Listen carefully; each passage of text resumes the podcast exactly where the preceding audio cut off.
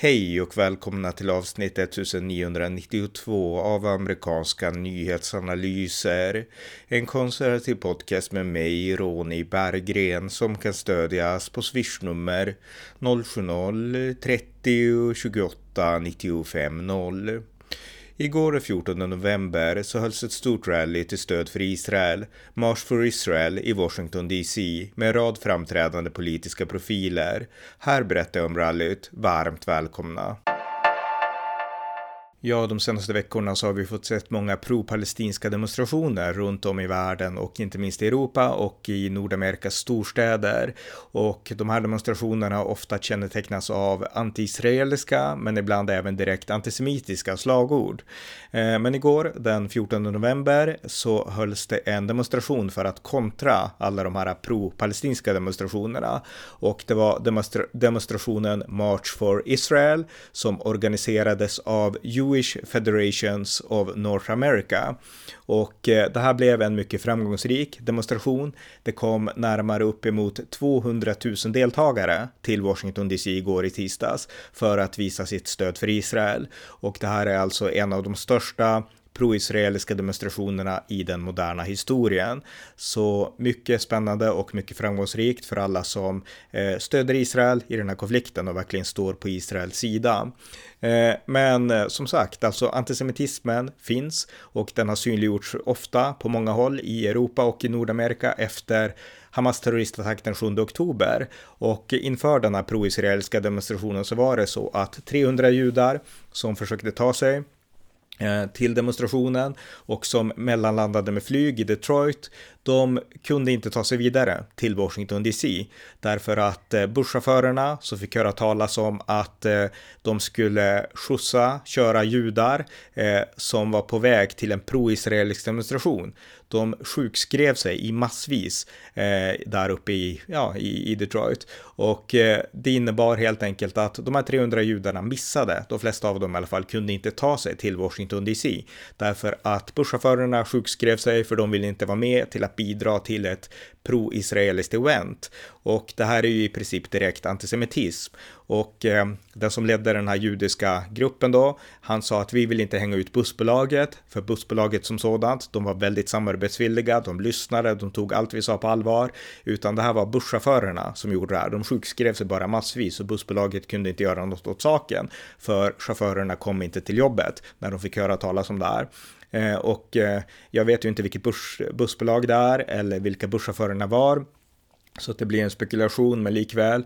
Det finns i USA muslimska grupper som är antisemitiska. Det finns i USA också en del av det svarta communityt som är antisemitiskt.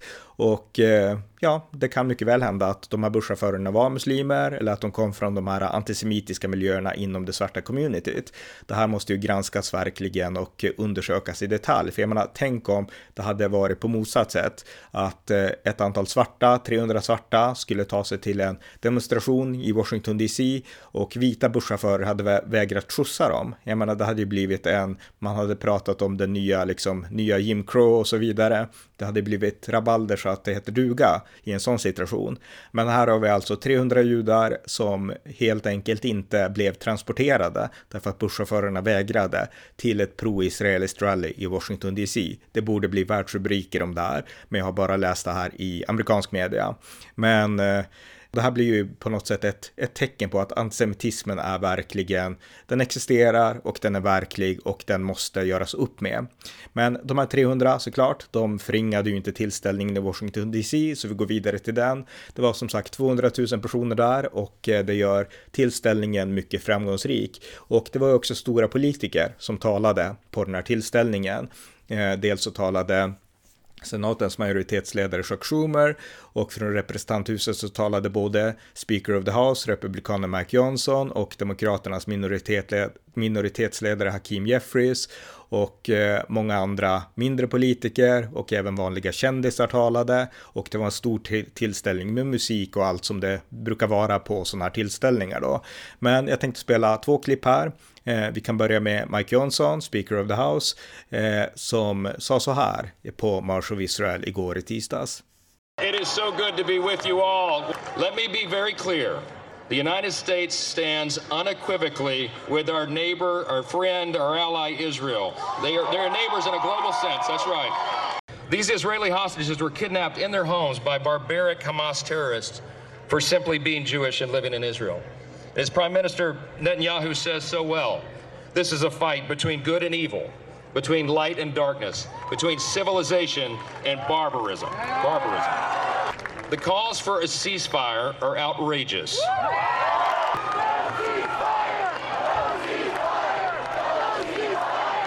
We stand with you in that. Hamas terrorists waged the bloodiest assault on Jewish lives since the Holocaust, and there are hundreds of hostages, many of them Americans, still stuck inside Gaza. Israel will cease their counteroffensive when Hamas ceases to be a threat to the Jewish state. Och eh, det intressanta här det var ju också att de ropade från publiken då No ceasefire, alltså ingen vapenvila med Hamas. Och det har ju uppstått krav från världen, från Europa inte minst, men även i viss mån från USA att nu måste Israel ändå gå med på en vapenvila. Och eh, Israel säger överlag nej. Man kan tänka sig en temporär vapenvila och man kan tänka sig en längre vapenvila också. Om Hamas är beredda att frisläppa de här israeliska fångarna, kidnappade fångarna. Men överlag så anser inte Israel att man bör gå med på en vapenvila enbart av liksom humanitära skäl för palestiniernas skull. Utan palestinierna, de har valet att släppa fångarna fria och eh, då kan det bli vapenvila. Men annars måste man hålla, hålla trycket hårt mot Hamas. Alltså man måste, man vill inte inte gå in i de här tioårskrigen som, Israel, som USA i Afghanistan och Irak och så vidare, utan man vill avsluta det här snabbt och eh, eh, bestämt mot Hamas. Och jag personligen, som ni vet, anser att det är helt rätt väg för Israel att gå. Men här visar ju Mike Johnson tydligt att han, han stöder eh, Israels och även det här israeliska, pro-israeliska communityts eh, krav på att eh, Israel måste få avsluta jobbet, no ceasefire. Och eh, det är egentligen bara amerikanska politiker som är så tydliga eh, på den sidan. Eh, jämför det med Europa där nästan alla då kräver någon form av vapenvila. Så att eh, på så vis tycker jag att det är mycket glädjande och mycket tydligt ställningstagande av Mike Johnson. Och vi ska säga om rallyt, alltså det var ju såklart inte bara judar, utan USA har många, många andra som stöder Israel och det finns ett stort kristet community som förmodligen är, eller som är betydligt större än det judiska community, communityt i USA som stöder Israel. Hela den här kristna högern och så, många från eh, den rörelsen var också på rallyt så att det var absolut inte bara judar, viktigt att, att påpeka det. Det finns en liksom Eh, det finns en omfattande, ett omfattande stöd för Israel i USA från alla delar av USA egentligen. Och eh, det var mycket glädjande att se det på det här rallyt. Här i Europa tror jag inte att det är på samma sätt. Alltså det finns politiska liberaler som är för Israel såklart och det finns kristdemokrater och det finns absolut socialdemokrater och så också. Men överlag så de här icke-judiska grupperna som hängivet stöder Israel. Jag skulle säga att de är förmodligen mycket mindre i Europa än de är i USA. Så att eh, där har vi en skillnad också mellan Europa och USA i det här avseendet.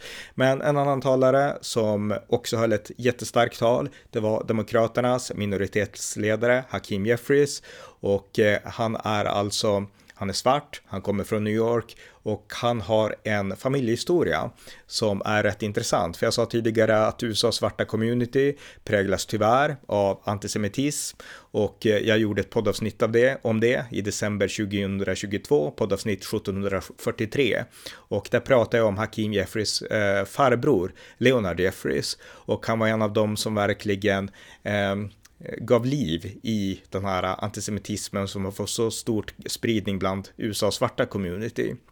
Inte bland alla svarta, men bland delar av USAs svarta community. Och det var Hakim Jeffries farbror, Leonard Jeffries, som var en av centralgestalterna för det.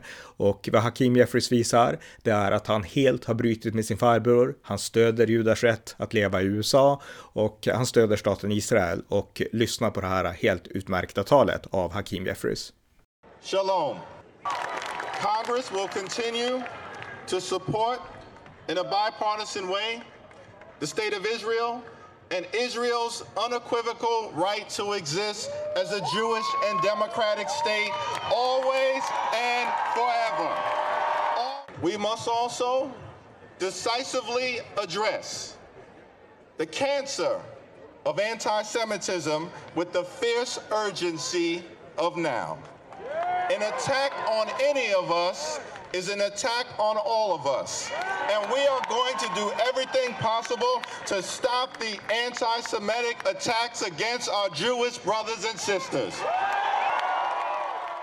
Jewish people were violently attacked by Hamas on October 7th, resulting in the largest loss of Jewish life in a single day since the Holocaust. So we are here, more than 100,000 people strong, to unequivocally declare never again.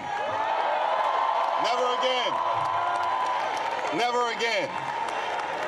The state of Israel must always exist as a safe haven for the Jewish people. And so we stand together with the Jewish community in Israel. We stand together with the Jewish community in America. We stand together with the Jewish community all throughout the world. We stand together in the effort to crush anti Semitism. We stand together in the effort to crush anti Jewish hate. We stand together in the effort to bring home the hostages. We stand together in the effort to make sure that America will always be a safe space for the Jewish community in every single zip code. God bless the hostages. God bless Israel. God bless the United States of America. Så det var Hakim Jeffries och det här talet inger hopp och eh, som sagt, dels för att det bryter med de här eh, antisemitiska föreställningarna som finns inom delar av USAs svarta community, men också för att det ger hopp till demokraterna. För det är ju så här att historiskt så har både republikanerna och demokraterna varit tydligt pro-israeliska. Idag så är republikanerna fortfarande, det finns förvisso enskilda röster i republikanerna nu, tyvärr, som är lite mer kritiska till Israel, men republikanerna som parti är ju totalt för Israel i grund och botten. Medan Demokraterna som har varit det, de har fortfarande de här gamla klassiska Demokraterna, Joe Biden, Nancy Pelosi, Chuck Schumer, som är kring 80-årsåldern allihopa, som kommer från tiden när Demokraterna var totalt pro-Israel också. Men idag så växer det ju inom det demokratiska partiet upp unga nya röster från vänsterkanten, Alexander Ocasio-Cortez, men även andra direkta vänsterpersonligheter, men också de här muslimska personligheterna, Rashida Talib och Ilan Omar och många andra på lägre nivå som sakta eh, klättrar inom det demokratiska partiet som är anti-Israel, alltså och även antisemitiska i viss mån. De finns och de får allt mer större utrymme inom det demokratiska partiet. Ehm, och eh, det finns absolut en farhåga för att det demokratiska partiet kommer att skifta i Israelfrågan på sikt och bli mer som någon slags, eh, ja, ett socialdemokratiskt europeiskt parti i den frågan. Men Hakim Jeffries visar att han som en ung demokratisk ledare helt står på Israels sida. Så att det inger ändå hopp för det demokratiska partiets framtid i den här frågan tycker jag. Så att det var mycket glädjande att se Hakim Jeffries hålla det här talet. Som sagt, många andra höll det också och eh, de talen kan ni se på YouTube. Men eh, det här var en en viktig tillställning. Många ropade också, höll i skyltar där det stod Am Israel Shai Eh, the people of, eller på svenska då, Israels folk lever. Så det var lite om marschen. I övrigt då, det som händer i Israel-Palestina på Gaza, det är att eh, Israel, IDF, de har ju lyckats inta, eller de har inte lyckats, alltså jag tror inte att det var så svårt, men de intog parlamentet, Hamas parlament där på Gaza, eh, visar upp en häftig bild där de stod och poserade i parlamentet. Eh, talibanerna i Afghanistan gjorde ungefär likadant när de besegrade Eh, ja, de afghanska regeringsstyrkorna 2021 och då visade de att eh, islamismen har övervunnit den amerikanska demokratin. Eh, IDF de visar motsatsen, att vi har besegrat, demokratiska krafter har besegrat islamismen, visar de. Så jag tyckte det var rätt häftigt att, att de gjorde så. Eh, det har också inletts slaget om det här stora sjukhuset på Gaza och eh, man har i princip eh, fördrivit Hamas nu till södern, till södra Gaza och eh, tagit kontroll över norra Gaza. Och eh, det diskuteras också en möjlig deal med Hamas för att få ut fler gisslan och det är i sådana fall en deal som Hamas går med på därför att trycket är så hårt och det skulle i sådana fall visa att Israel gör, gör helt rätt som liksom trycker på hårt nu mot Hamas. Eh, Israel gör också allt för att hjälpa civila och jag tycker att det framkommer inte tydligt nog i svensk media. Alltså att Israel, de försöker verkligen att undvika till varje pris att döda civila och eh, det finns många videos där de förklarar vad de gör och sådana saker, men det framkommer alltså, det framkommer inte tydligt nog i svensk media, utan det finns fortfarande det här eh, liksom jämlikhetsförhållandet. Titta så många civila dött och det är Israels fel, trots att det i grund och botten är Hamas fel. Eh, det är synd. Eh, jag läste också en artikel om att man har hittat, IDF har hittat ett exemplar av Mein Kampf, alltså Hitlers skrift, hans antijudiska skrift, eh, i Gaza. Och då kan det vara värt att komma ihåg att Mein Kampf, som ingen tysk läser längre, jag vet inte om de läste det under andra världskriget, men eh, ingen läser Mein Kampf i Europa liksom och tror på den. Eh, men det gör man i, bland palestinierna, därför att det finns ju den här alliansen mellan nazister och eh, araber. Den har funnits sedan andra världskriget egentligen. Eh, och eh, man läser fortfarande Mein Kampf och det, jag menar, det säger ganska mycket om vilka Hamas är och hur liksom det palestinska tänkandet är format och jag tycker att det borde bli en väckarklocka för oss här i Europa. Men eh, ja, sen har Israel också, Benjamin Netanyahu, han har varit mycket nu de senaste dagarna i amerikansk media. Han har intervjuats av både NBC och av Fox News och eh, allt mer så framkommer tydligheten då att Israel tänker fortsätta ta det militära säkerhetsansvaret för Gaza, därför att det är bara Israel som kan göra det.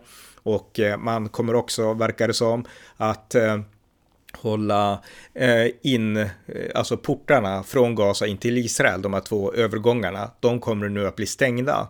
Vi ska komma ihåg att eh, tiotusentals eh, palestinier från Gaza, de har arbetat inne i Israel och det är så de har tjänat pengar och sen kunna återvända då till, till Gaza som, eh, ja, jag gissar att Israel är palestiniernas främsta arbetsgivare. Sen får de leva på bistånd från det internationella samfundet. Men nu har Israel sagt att vi kommer inte tillåta eh, ja, det här kommer avsluta avslutas nu, utan nu får Gaza klara sig själva, därför att vi kan inte lita på dem när de gör som, som det har blivit, alltså terroristattacken den 7 oktober. Så att nu kommer övergångarna in till Israel att hålla stängda, säger Israel. Och eh, jag tycker det här är en viktig markering eh, mot eh, Hamas, men även de palestinier som stödde Hamas. Alltså vi kan inte glömma bort att många palestinier jublade inför, vid terrorattacken och eh, jag menar även palestinier som inte har någonting liksom att förlora rent, alltså palestinier i väst jublar också.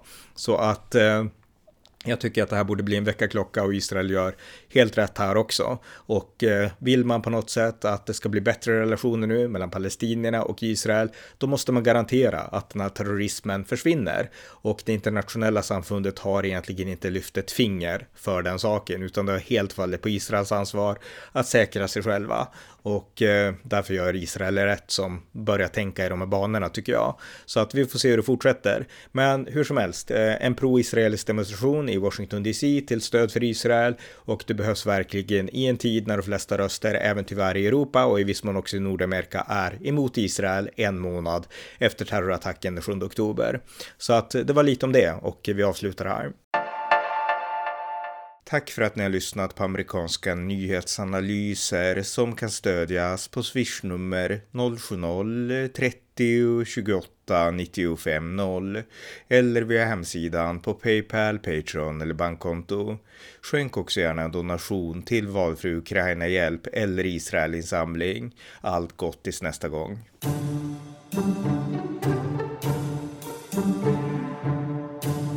Thank.